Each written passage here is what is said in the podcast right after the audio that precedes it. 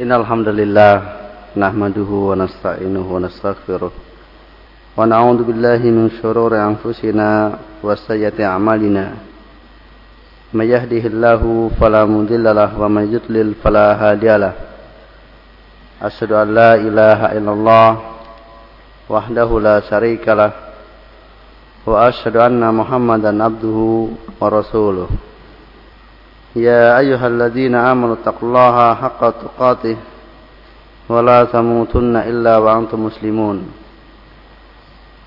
يا أيها الناس اتقوا ربكم الذي خلقكم من نفس واحدة وخلق منها زوجها وبس منهما رجالا كثيرا ونساء واتقوا الله الذي تساءلون به والأرحام إن الله كان عليكم رقيبا. أما بعد. Ikhwafiddin asanullah wa iyyakum. Kita lanjutkan pembahasan kita terhadap hadis Al-Arba'in An-Nawawiyah. Kita masuki hadis yang pertama dari Arba'in An-Nawawiyah. Imam Nawawi rahimahullah menyampaikan An Amirul Mukminin Abi Hafsin Umar bin Khattab radhiyallahu taala dari Amirul Mukminin Abu Hafs Umar bin Khattab semoga Allah meridhoinya. Qal beliau berkata sami'tu Rasulullah sallallahu alaihi wasallam yaqul. Aku pernah mendengar Nabi sallallahu alaihi wasallam bersabda Innamal a'malu binniyat Sungguhnya amal itu tergantung dengan niat. Wa inna likulli imri'in ma nawa. Dan sungguhnya hanyalah setiap orang mendapatkan sesuai dengan apa yang dia niatkan. Faman kanat hijratuhu ila Allah wa rasulih maka barang siapa yang hijrahnya kepada Allah dan Rasulnya fa hijratuhu ila Allah wa rasulih maka hijrahnya kepada Allah dan Rasulnya. Wa man kanat hijratu lid-dunya yusibuha. Dan barang siapa yang hijrahnya demi dunia yang dia cari, imra'atin yang kihuha atau seorang wanita yang dia nikahi, fa hijratu ila ma hajara ilaih. Maka hijrahnya kepada apa yang dia hijrah kepadanya. Rawahu Imam al-Muhaddisin Abu Abdullah Muhammad bin Ismail bin Ibrahim bin Mughirah ibn Bardisbah al-Bukhari wa Abu Husain Muslim ibn Hajjaj ibn Muslim al-Kushairi an-Nisaburi fi sahihahima alladzaini huma asahul kutub al-musannafah.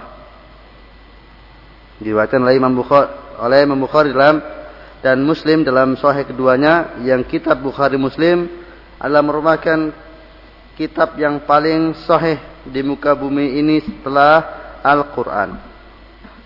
Tentang kedudukan hadis ini, ini hadis yang sangat pokok, sangat penting, merupakan asal min usuluddin. Jadi hadis hadis Nabi Shallallahu Alaihi Wasallam kalau mau dibuat atau diringkas tentang induknya, tentang pokoknya, tentang asalnya, tentang dasarnya, itu bisa dikatakan dalam tiga hadis. Bisa dikumpulkan dalam tiga hadis saja. Sebagaimana dikatakan oleh Imam Ahmad rahimahullah. Ini tiga hadis yang Islam itu berporos tertumpu kepadanya. Itu hadis ini, hadis Umar bin Khattab radhiyallahu hadis innamal a'malu binniyat. Kemudian hadis Aisyah nanti akan kita pelajari insyaallah. Kemudian itu hadis Aisyah yang berisi tentang man ahdatsa fi amrina hadza ma laysa minhu fawarad. Itu hadis yang kelima. Kemudian hadis Nu'man bin Bashir itu hadis yang ke-6 tentang pembagian sesuatu menjadi halal dan haram dan mutasyabihat. Itulah tiga induk atau tiga dasar hadis. Dari si mana dikatakan hadis-hadis tersebut sebagai poros dari agama ini bisa dijelaskan karena amal seseorang hamba yang mukallaf itu tertumpu pada melaksanakan perintah dan menjauhi larangan. Yang sesuatu yang diperintah atau sesuatu yang dilarang itulah halal dan haram. Sesuatu itu lima halal, lima haram. Atau karena permasalahannya belum jelas apakah ini termasuk yang diperintahkan atau termasuk yang dilarang, Apakah tidak termasuk kepada yang dilarang? Itu perkara yang mutas, mu, ya mustabihat yang masih samar bagi orang tertentu. Ini ada dalam hadis Nu'man bin Bashir. Kemudian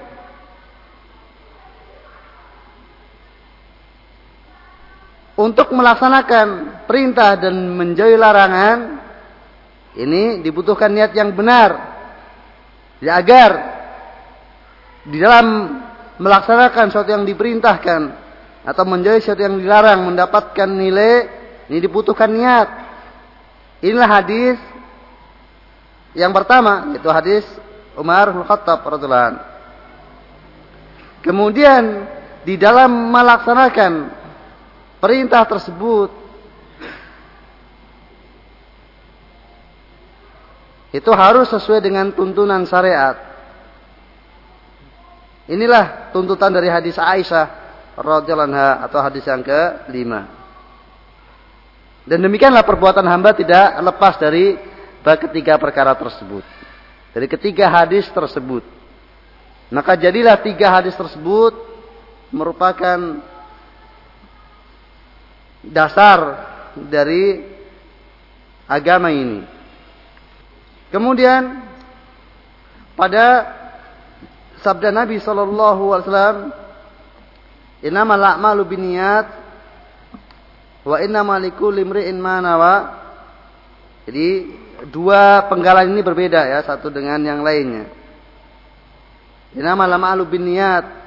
Itu sungguhlah hanya saja amal itu tergantung dengan niat artinya sah dan tidaknya sebuah amal diterima dan tidaknya sebuah amal itu tergantung niatnya. Jadi diterima atau tidaknya dan sah atau tidaknya suatu amal itu tergantung pada niatnya. Ini, itu pengertian yang tepat, yang lebih tepat terhadap innamal a'malu biniat. Bukan terjadi atau tidaknya sebuah amal tergantung niat. Atau hanyalah amal itu terjadi karena ada niat. Karena hal itu jelas semua Amalan ya terjadi karena niat. Namun bukan itu yang dimaksudkan dalam kalam syar'i di sini.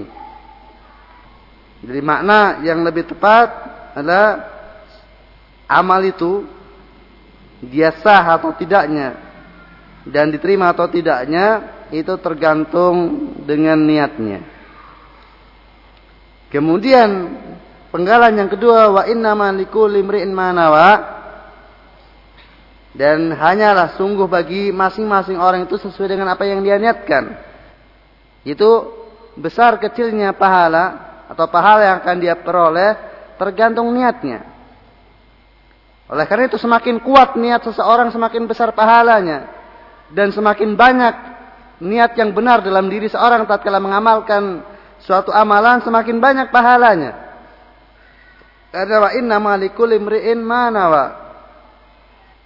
jadi satu amalan dengan sebab niatan yang benar maka bisa mendatangkan pahala yang amat sangat banyak. Nah, yang dimaksudkan dengan amalan di sini adalah seluruh yang diperbuat oleh hamba, baik perbuatan hati, perbuatan lesan maupun perbuatan jawari. Jadi amal mencakup ketiga hal amalan hati, amalan lisan dan amalan anggota badan. Maka ikhafidin asanallahu wa iyyakum.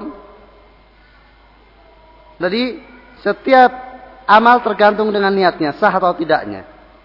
Demikian juga masing-masing orang mendapatkan pahala sesuai dengan niatnya. Seseorang ya, dengan amalan yang sama bersodakoh. Yang satu niatnya benar, maka dia berpahala. Yang satu niatnya tidak benar, tidak berpahala. Kemudian sama-sama di niat yang benar. Diniati karena Allah Taala. Maka kalau kemudian yang satu hanya pokoknya saya bersodakoh karena Allah. Dia berpahala, tapi tidak sebesar orang yang saya bersodakoh dengan uang ini kepada kerabat sendiri. Orang yang paling membutuhkan. Dengan niatan untuk membantu saudara sendiri. Dengan niatan untuk membantu orang yang paling butuh. Kepada orang yang terdekat. Maka pahalanya jauh lebih besar dibandingkan pahala orang yang pokoknya dia bersodakoh dengan uang tersebut. Mana yang membedakannya? Niatnya. Pahalanya terbedakan dengan niatnya. Karena dalam satu amalan tersebut dia meniatkan dengan banyak niatan kepada Allah Taala, membantu kerabat, membantu apa, orang yang paling butuh dan membantu yang paling dekat, yang paling berhak untuk dibantu, yaitu yang terdekat posisinya. Dan demikian eh, semisalnya. Maka apa mempermainkan hati artinya memanage hati itu punya pengaruh yang sangat besar terhadap perolehan pahala seorang. Jadi kadang seorang dia bisa meraih pahala yang sangat banyak, mendulang pahala yang sangat banyak hanya dengan mempermainkan hatinya. Ya, hanya dengan mengamalkan hatinya walaupun badannya diam. Badannya diam. Saya contohkan misalnya orang yang teraniaya Orang yang teraniaya misalnya oleh orang lain. Kemudian tatkala dia teraniaya, dia ingat takdir Allah Taala. Lama asabaka min sayyatin famin nafsik. Maka ini ya, adalah karena kesalahan saya juga. Walaupun saya tidak salah dengan orang lain, mesti saya telah berbuat salah kepada Allah Taala. Dan ini balasan dari Allah kepada saya. Maka alhamdulillah Allah telah membalas di dunia. Dan mudah-mudahan tidak menundanya di akhirat. Kemudian saya adalah seorang hamba Allah Ta'ala. Yang punya kewajiban untuk mengabdi kepada Allah dalam kondisi apa pun juga. Dalam senang maupun dalam duka. Sekarang saya sedang berduka. Apa kewajiban saya sebagai orang yang berduka? Kepada Allah Ta'ala. Untuk bersabar. Kepada Allah Ta'ala. Dan karena ini bentuk musibah. Maka lebih baik saya rela terhadap musibah tersebut karena perbuatan Allah masih baik. Allah masih menginginkan ke kebaikan apabila orang yang mau bersabar. Maka saya lebih baik bersyukur apa? Rela saja kepada penganiayaan tersebut. Dan karena ini punya pengaruh mengampuni dosa, saya bersyukur kepada Allah Taala dengan penganiayaan tersebut. Itu hanya memperkenalkan hati. Kemudian karena orang lain telah menghadiahkan kepada saya ampunan dosa, maka saya bersyukur kepadanya. Saya bersyukur kepada orang yang telah menganiaya saya tersebut. Karena dengan sebab dialah saya terampuni dosanya. Kemudian, kalau kemudian diikuti dengan perbuatan karena dia telah berbuat baik kepada saya menghadiahkan ampunan dosa, maka saya akan berbuat ihsan kepadanya. Maka saya menunggu kesempatan kapan saya punya kemampuan untuk memberikan kebaikan, saya akan berikan kebaikan kepadanya atas penganiayaannya tersebut. Maka penganiayaan dia tidak beraktivitas apa apa kecuali apa ya, mengolah hati. Maka tumpukan pahala melimpah ruah karena pengolahan hati tersebut. Dan itulah amalan kulub, amalan hati. Maka niat ini ini amat sangat besar manfaatnya kalau orang bisa menerapkannya pada tempatnya. Jadi niat dalam tinjauan syariat ini atau fungsinya, fungsi niat sebagian jelas oleh para ulama itu terbagi menjadi dua. Jika niat berkaitan dengan sasaran suatu amal atau sasaran ditujukannya amal tersebut yaitu kepada makbud, kepada yang ditujukan, kepada yang disembah, ditujukan ibadah tersebut, maka niat tersebut berfungsi untuk membedakan antara amal ibadah dengan amal kebiasaan. Jadi fungsi yang pertama untuk membedakan antara apakah amalan itu amalan adat atau amalan ibadah. Inilah yang dalam kata lain niat di mana ikhlas atau di mana Islam. Waman ahsanu dinan miman aslama wajhahu lillah wa huwa muhsinun. Ay man akhlasa. Barang siapa yang, yang niatnya untuk Allah dan dia berbuat ihsan artinya sesuai dengan sunnah Rasulullah. Wa ma umiru illa liya'budullaha mukhlishina lahuddin. Jadi ikhlas dalam makna yang pertama ini ini eh, niat dengan makna yang dalam fungsi yang pertama ini sama dengan ikhlas. Itu yang menjadi syarat diterimanya ibadah. Menjadi syarat untuk bernilai ibadah. Itu ikhlas. Maka seseorang yang melakukan aktivitas tanpa diniati karena Allah Ta'ala aktivitasnya tidak berguna, ya, tidak bernilai. Sama-sama dia mandi, seluruh tubuhnya basah. Tapi kalau kemudian tidak diniati untuk bersuci, maka dia tidak dapat pahala. Tapi kalau dia niati untuk bersuci, maka dia dapat pahala. Seorang menahan lapar dari sebelum terbit fajar sampai terbenam matahari, kalau bukan niat untuk berpuasa, tidak mendapat pahala. Walaupun sama aktivitasnya. Tapi kalau dia niatkan untuk berpuasa, dia berpahala. Jadi untuk membedakan apakah aktivitas itu aktivitas adat yang tidak bernilai atau aktivitas itu menjadi bernilai. Maka tadi, sebagaimana sudah kita bicarakan pada apa tentang melampiaskan syahwat kepada istrinya. Kalau kemudian ya itulah rutinitas dia. Kapan mau dia lakukan tanpa ada menghadirkan niat ya tidak berpahala. Tapi kalau kemudian dia niati, dia lakukan demikian karena dia tidak mau melaksanakan yang haram, dia hanya mau yang halal saja maka berpahala. Dan demikian seluruhnya aktivitas kehidupan kita. Jadi dibedakan apa amalan seorang apakah itu amalan rutinitas manusia atau menjadi amalan ibadah dengan sebab niat, dikarenakan niat. Maka para ulama mengatakan jadi di kalangan para di kalangan orang mukmin atau hamba yang soleh adat menjadi ibadah. Namun di kalangan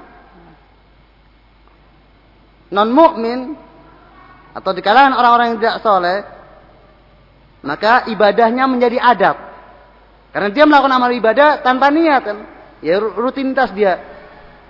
Ya kebiasaan saja dia melakukan amalan-amalan baik. Tabiatnya saja. Dia dermawan karena tabiatnya. Bukan karena niat. Maka tidak bernilai ibadah. Kemudian fungsi yang kedua. Ini jika niat berkaitan dengan amal itu sendiri, artinya dengan amal ibadah itu sendiri, maka niat tersebut berfungsi untuk membedakan satu ibadah dengan ibadah yang lainnya. Sama-sama dua rakaat, tetapi rakaat ini, dua rakaat ini sholat rawatib dan dua rakaat yang berikutnya sholat subuh. Seseorang masuk masjid itu Amalannya sama persis, tapi bisa dibedakan. Apa? Ibadahnya itu ibadah yang mana dengan niatnya. Bisa itu sholat rawatib, bisa juga sholat subuh. Tergantung niatnya. Yang membedakan hanya niatnya. Jadi fungsi niat yang kedua adalah untuk membedakan satu ibadah dengan ibadah yang lainnya. Dan ulama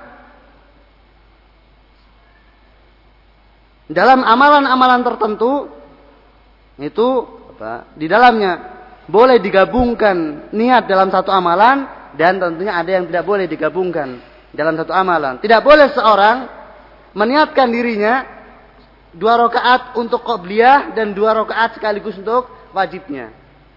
Tidak boleh digabungkan. Dia sholat, sholat masuk ke sini belum sholat rawatib subuh, belum sholat qobliyah subuh masuk ke masjid belum apa sholat qobliyah subuh. Sementara sudah komat, maka sekalianlah dia sholat subuh dan juga sekaligus niatnya untuk qobliyah, maka ini tidak bisa, tidak bisa bercampur. Tapi berbeda kalau kemudian dia masuk dia dia belum sholat rawatib, belum sholat qobliyah. Dia baru saja berwudu. Dan dia apa? Masuk masjid ini. Dia mau istikharah. Maka dia sholat dua rakaat tersebut. Ia sholat melaksanakan perintah Nabi atau larangan Nabi untuk tidak masuk masjid kecuali kecuali sholat dua rakaat. Dan karena dia belum qobliyah maka itu sekaligus untuk qobliyah dan dia mau istikharah nanti sekalian saya mau istikharah.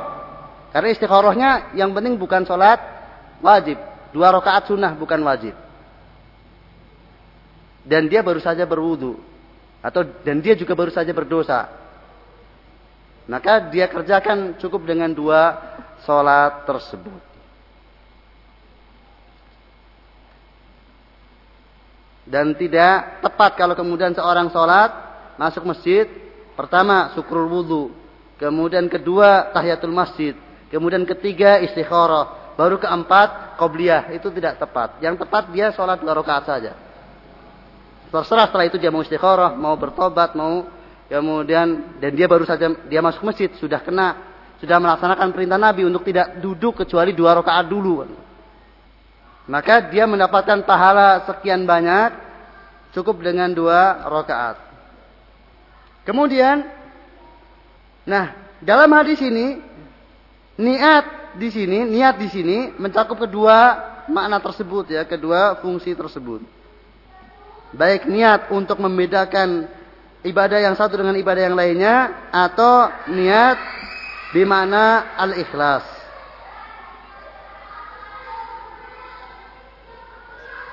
Kemudian niat pada makna yang ikhlas kalau kemudian seseorang niatnya tidak ikhlas, maka tentunya tidak berpahala.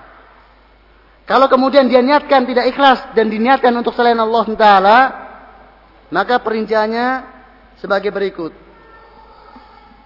Jika niatnya salah sejak awal, jadi dia ibadah, niatnya bukan untuk selain Allah Taala, maka ibadah tersebut batil.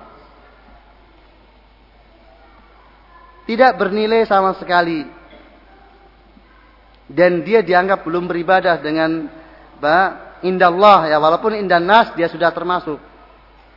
Seperti orang-orang munafik seluruh amalnya tidak bernilai karena bukan diniatkan karena Allah Taala dan mereka tidak dianggap beribadah menurut Allah Taala walaupun menurut dohir manusia mereka telah dianggap beribadah Kemudian jika kesalahannya tersebut terjadi di tengah-tengah amal, amal. Awalnya dia niat karena Allah Taala. Kemudian muncul niatan kepada selain Allah Taala. Ini ada dua keadaan, ada dua keadaan. Yang pertama jika ia menghapus niat yang awal,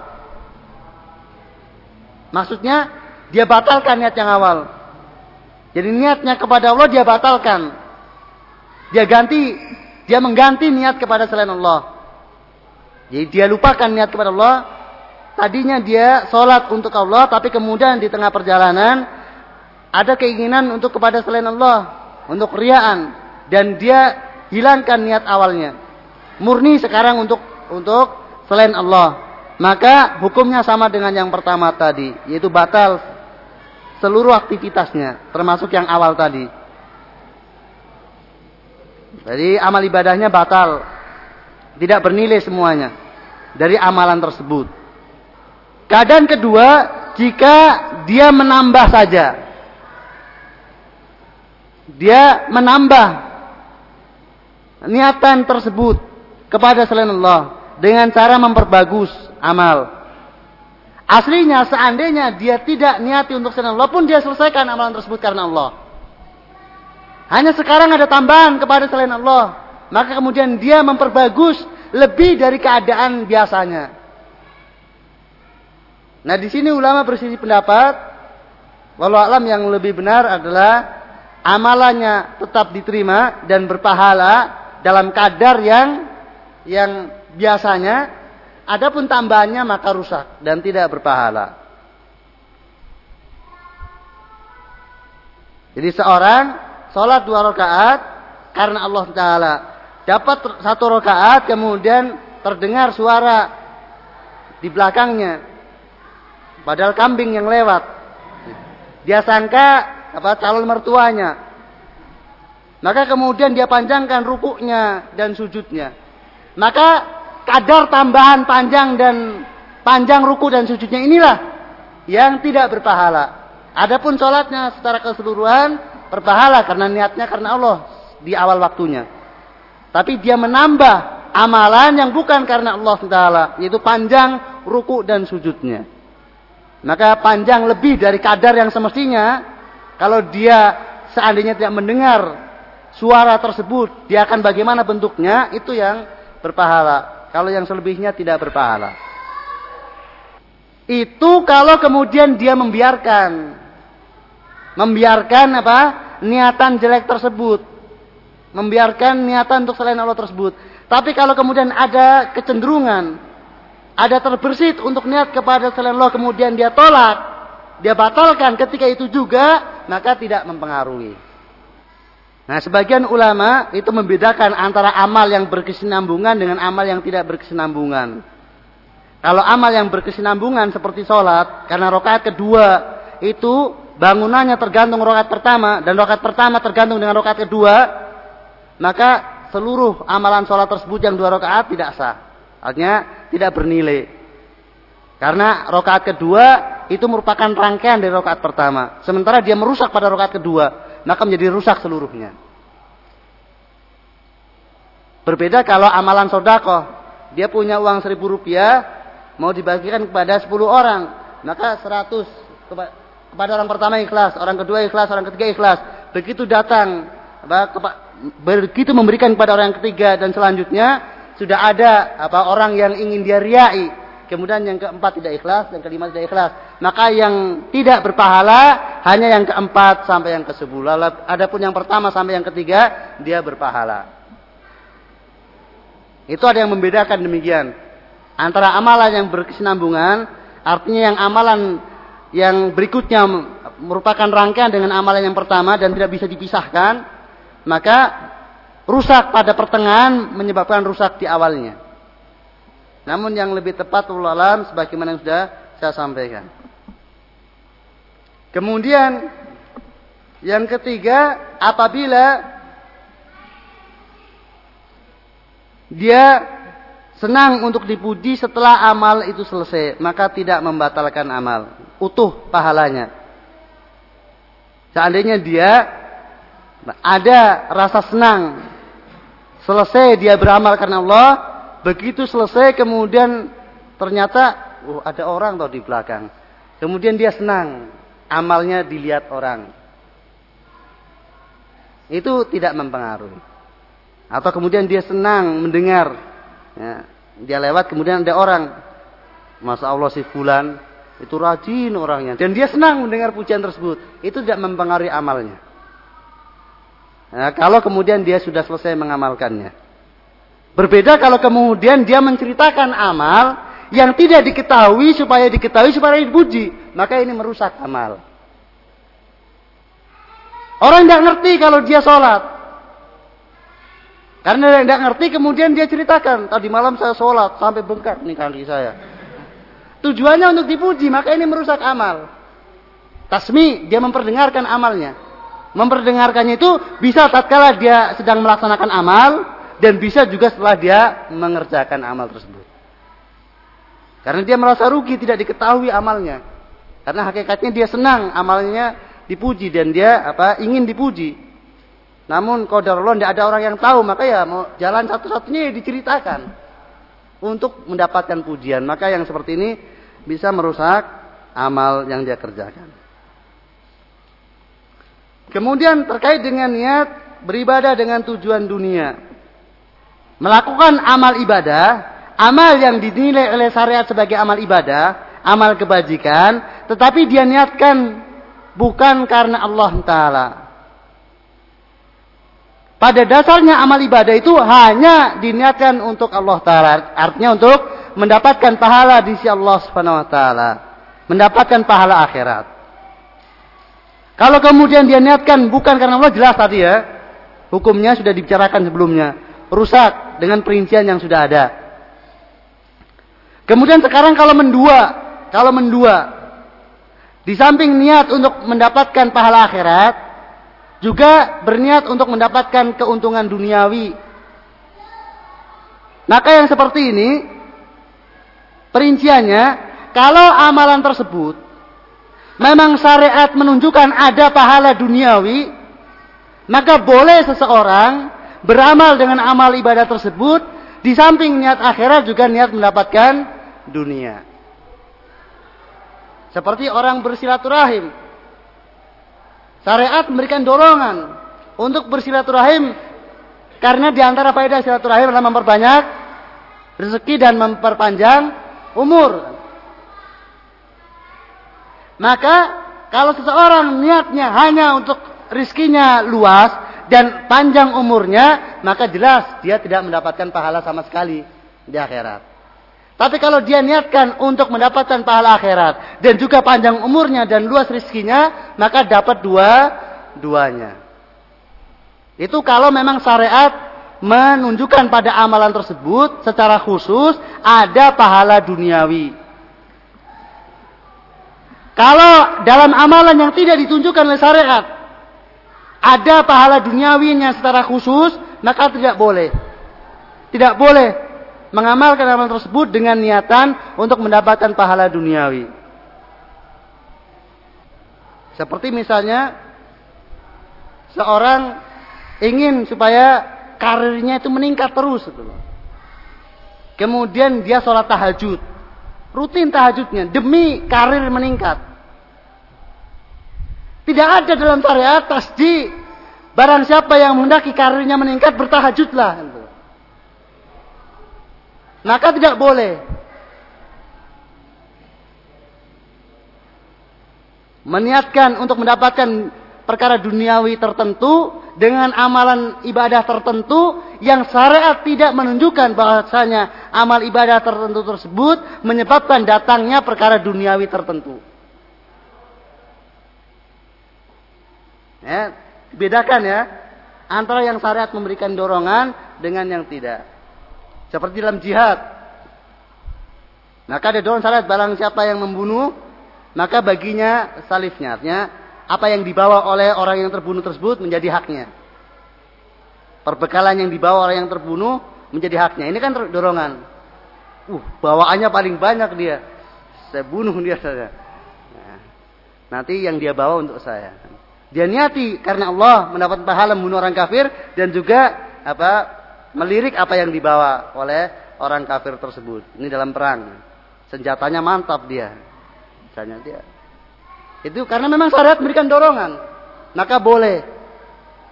Tetapi yang lebih afdol, artinya yang lebih utama, yang lebih bagus, tidak ada niatan duniawi sama sekali. Dalam mengamalkan. Termasuk amalan yang didorong oleh syariat bahwasanya di dalamnya ada pahala duniawi. Ini pahalanya lebih sempurna. Lebih besar dibandingkan yang berniat di samping untuk akhirat juga untuk duniawi. Dan keberuntungannya lebih besar karena duniawinya didapat atau tidak? Didapat tanpa diniati. Ya. Duniawianya otomatis didapat tanpa diniati. Jadi orang yang banyak silaturahim, otomatis rezekinya lebih luas dibandingkan dia tidak bersilaturahim dan umurnya lebih panjang dibandingkan dia tidak bersilaturahim. Secara otomatis walaupun tanpa dicari kan. Maka toh sama-sama dunianya dapat, tidak usah diniati itu. Niati saja karena Allah Taala. Toh dunianya dapat. Maka walaupun bukan rugi dalam artian apa, dia dosa, tapi rugi tatkala berkurang pahalanya. Orang yang meniatkan karena Allah dan juga karena duniawi. Dalam amalan yang diperbolehkan meniatkan padanya tujuan duniawi. Kemudian Nabi SAW memberikan contoh dari kaidah yang sudah beliau sampaikan. Jadi inamal amalu inamal amalu biniat wa innamal likulli imri'in manawa ini kaidah. Contoh dari kaidah, "Faman kana hijratuhu ila Allah wa rasuli, fa hijratu ila Allah wa rasuli." Barang siapa yang hijrahnya kepada Allah dan Rasulnya, maka dia mendapatkan pahala hijrah kepada Allah dan Rasulnya. Diulangi lagi, fa hijratu ila Allah wa rasuli, karena besarnya perkara tersebut. Karena pentingnya permasalahan tersebut, maka diulangi lagi. Fa hijratuhu ilallahi wa rasulih. Ya amalan hijrah amalan yang sangat mulia. Merupakan salah satu kewajiban dari kewajiban syariat. Amalan yang mulia tersebut berpahala jika diniati karena Allah. Namun tidak apabila bukan karena Allah.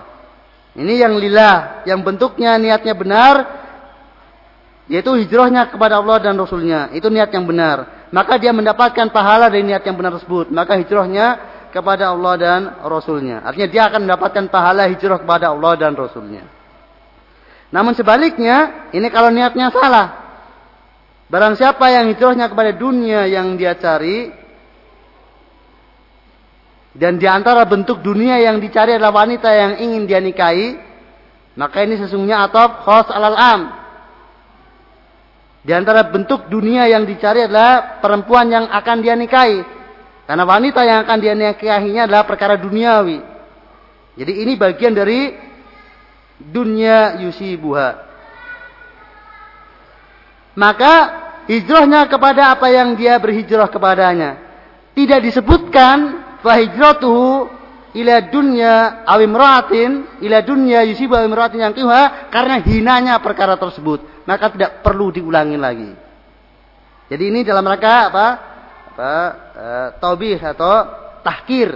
Jadi perendahan, peng, menghinakan perkara tersebut. Maka tidak layak untuk disebutkan lagi. Berbeda dengan tadi, fahijratuhu ilallahi wa rasuli. Disebutkan lagi karena mulianya dan apa bernilainya hijrah yang demikian itu.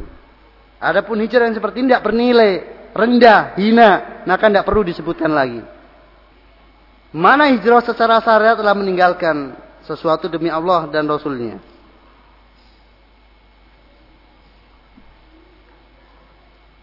Meninggalkan demi Allah artinya mencari sesuatu yang ada di sisinya. Dia tinggalkan sesuatu itu demi mengharapkan apa yang di Allah Ta'ala.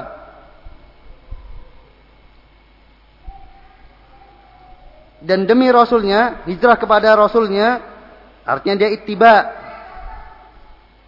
Ittiba, dalam rangka ittiba, mengikuti sunnah nabinya. Dia tidak lakukan ini karena demikianlah sunnah nabi. Itu namanya hijrah kepada nabinya.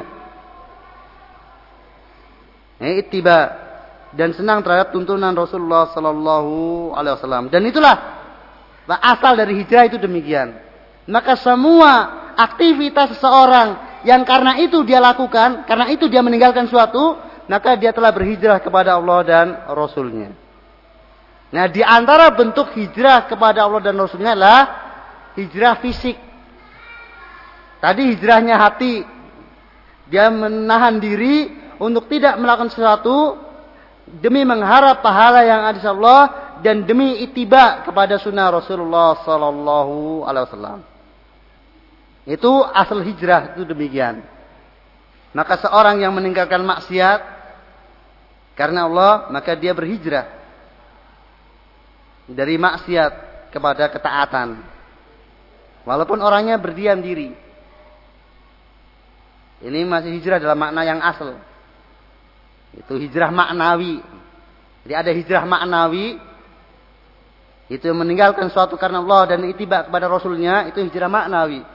Dan ada hijrah hissi. Itu hijrah yang terindra. Yaitu perpindahan. Jasadnya berpindah.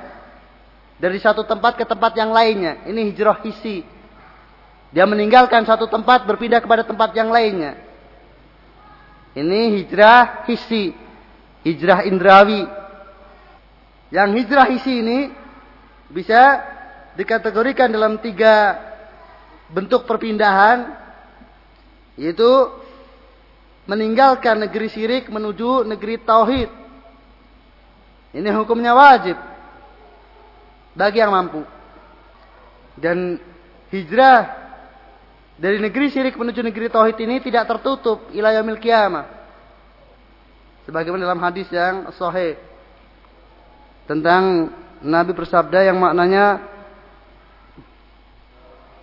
tidak tertutup hijrah sehingga tertutupnya pintu taubat dan pintu taubat tidak tertutup sehingga terbitnya matahari dari tempat tenggelamnya atau dari barat. Jadi hukumnya wajib sepanjang masa bagi yang mampu. Yaitu bagi orang yang tidak bisa melaksanakan syiar Islam di negeri tersebut. Adapun kalau dia mampu untuk mendohirkan syiar Islam di negeri tersebut, walaupun negeri syirik, maka tidak wajib. Jadi batasan wajibnya tatkala dia tidak punya kemampuan untuk mendohirkan kewajiban Islam dan kemudian secara fisik dia punya kemampuan atau secara materi dia punya kemampuan untuk berpindah kepada negeri yang negeri bertauhid. Adapun sabda Nabi SAW, la hijrata ba'dal fath. Tidak ada hijrah setelah Fatu Mekah. Setelah Fat maksudnya setelah Fatu Mekah. Artinya tidak ada hijrah dari Mekah ke Madinah. Itu maksudnya. Tidak ada hijrah, artinya tidak ada kewajiban hijrah dari Mekah ke Madinah setelah dibukanya kota Mekah. Bukan maksudnya tidak ada hijrah dalam makna yang lebih luas yaitu berpindah dari negeri syirik menuju negeri tauhid. Kemudian Termasuk dalam makna hijrah yang hijrah meninggalkan negeri yang penuh dengan bid'ah kepada negeri yang bersih dari bid'ah. Yang penuh dengan sunnah. Maka orang tinggal di sebuah perkampungan yang penuh dengan bid'ah. Dan dia tidak bisa melepaskan dari bid'ah-bid'ah tersebut. Mau tidak mau kalau dia tinggal di situ harus melakukan bid'ah. Padahal dia mampu berpindah. Maka wajib baginya untuk berpindah ke kampung yang dia terbebas untuk melaksanakan syariat, melaksanakan sunnah tanpa terganggu dengan bid'ah, tanpa ada keharusan untuk melaksanakan bid'ah. Tapi kalau kemudian dia bisa melaksanakan sunnah di kampung tersebut, walaupun kampungnya penuh dengan bid'ah, tapi dia tetap bisa melaksanakan sunnah, maka disunahkan baginya untuk berpindah. Afdal bagi dia untuk berpindah. Kecuali kalau dia da'inya yang akan merubah kampung tersebut. Tapi kalau kemudian dikhawatirkan dia terpengaruh kondisi lingkungannya, maka sebaiknya dia berpindah. Kemudian yang ketiga meninggalkan negeri yang penuh dengan maksiat menuju negeri yang sedikit kemaksiatannya. Kalau yang tidak ada kemaksiatan sama sekali tidak ada. Karena semua tempat mesti, semua lingkungan mesti ada kemaksiatan dalamnya. Tinggal kadarnya saja. Maka kalau kemudian seorang tinggal di sebuah perkampungan yang banyak terjadi kemaksiatan dan dia bukanlah tipe perubah tapi tipenya yang terpengaruh maka dia disunahkan untuk berpindah ke kampung yang lebih sedikit kemaksiatannya. Itu kalau kemudian dia masih bisa bertahan di kampung tersebut dengan yang penuh kemaksiatan maka disunahkan. Tapi kalau dia tidak bisa tinggal di situ kecuali dia terjun dalam kemaksiatan, maka wajib baginya untuk berpindah. Kalau kemudian tidak boleh tidak mesti kalau tetap tinggal di situ, maka dia tetap akan bermaksiat karena memang lingkungannya demikian. Maka wajib dia berpindah kalau dia punya kemampuan. Nah demikian ikhwah fiddin yakum salah satu amalan yang sangat mulia yang akan besar pahalanya kalau niatnya benar dan tidak mendapatkan apa-apa kalau niatnya salah adalah amalan hijrah dan kiaskan dengan hijrah amalan yang lainnya. Jadi beliau menyebutkan contohnya. Sudah menyebutkan kaidahnya, kemudian menyebutkan contohnya. Ini termasuk kebagusan taklim beliau. Maka kemudian kiaskan yang lainnya. Seperti itu juga, seperti hijrah juga amalan yang lainnya. Hukum amalan yang lainnya seperti amalan hijrah. Tergantung niatnya. Berpahala dan tidaknya tergantung niatnya. Pahala yang diperoleh besar kecilnya juga tergantung niatnya. Banyak dan sedikitnya tergantung niatnya.